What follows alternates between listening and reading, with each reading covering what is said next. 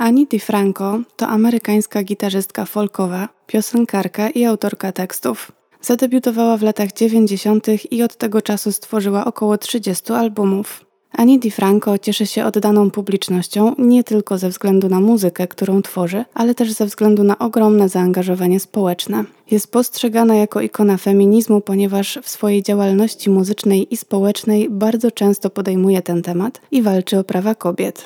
W 2019 roku dołączyła do licznych artystów sprzeciwiających się zakazowi aborcji, upubliczniając swój występ, który miał miejsce podczas festiwalu Babe Fest Rise Up na Brooklynie. Występ, podczas którego zaśpiewała wraz z córką Pita, nazwała Reproductive Freedom is a Civil Rights Issue. Podczas tego koncertu zaprezentowała utwór Play God z albumu Binary, który opowiada o tym, jak to jest być kobietą i że należy nam się prawo do samostanowienia o swoim ciele.